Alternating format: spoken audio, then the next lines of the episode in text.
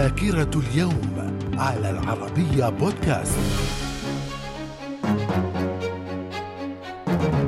أهلا بكم ومن ذاكرة التاسع من نوفمبر في العام 1799 نابليون بونابرت يسطو على الثورة الفرنسية وينصب نفسه قنصلا أول وهو بمركز حاكم فرنسا. في العام 1821 بدأت الدراسة في أول كلية متخصصة للصيدلة وهي كلية فيلادلفيا الصيدلية في الولايات المتحدة. في العام 1918 قيصر ألمانيا فيلهلم الثاني يتنازل عن الحكم بعد هزيمة ألمانيا في الحرب العالمية الأولى وتحولها إلى جمهورية. من الذاكرة. ومن ذاكرة التاسع من نوفمبر في العام 1935 القوات اليابانية تستولي على مدينة شنغهاي أهم موانئ الصين والمركز الاقتصادي الرئيسي لها. وفي العام 1953 الأمير سعود بن عبد العزيز آل سعود يتولى حكم المملكة العربية السعودية بعد وفاة والده الملك عبد العزيز آل سعود.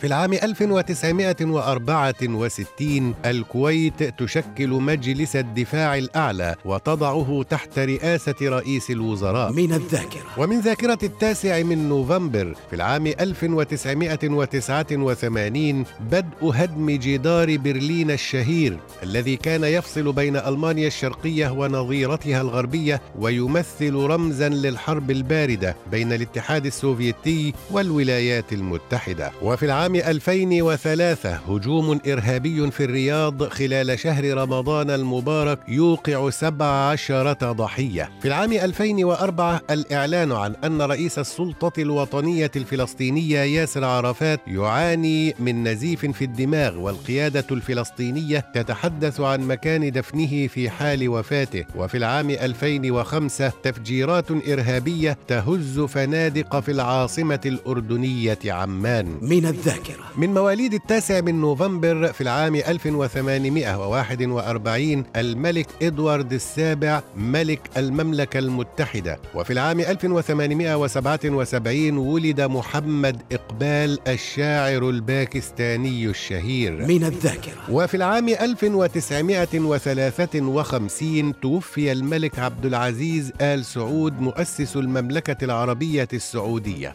العام 1970 توفي شارل دي جول رئيس فرنسا الأسبق. من الذاكرة. ومن مناسبات التاسع من نوفمبر عيد الاستقلال في كمبوديا ويوم المخترعين في أوروبا. من الذاكرة. إلى اللقاء.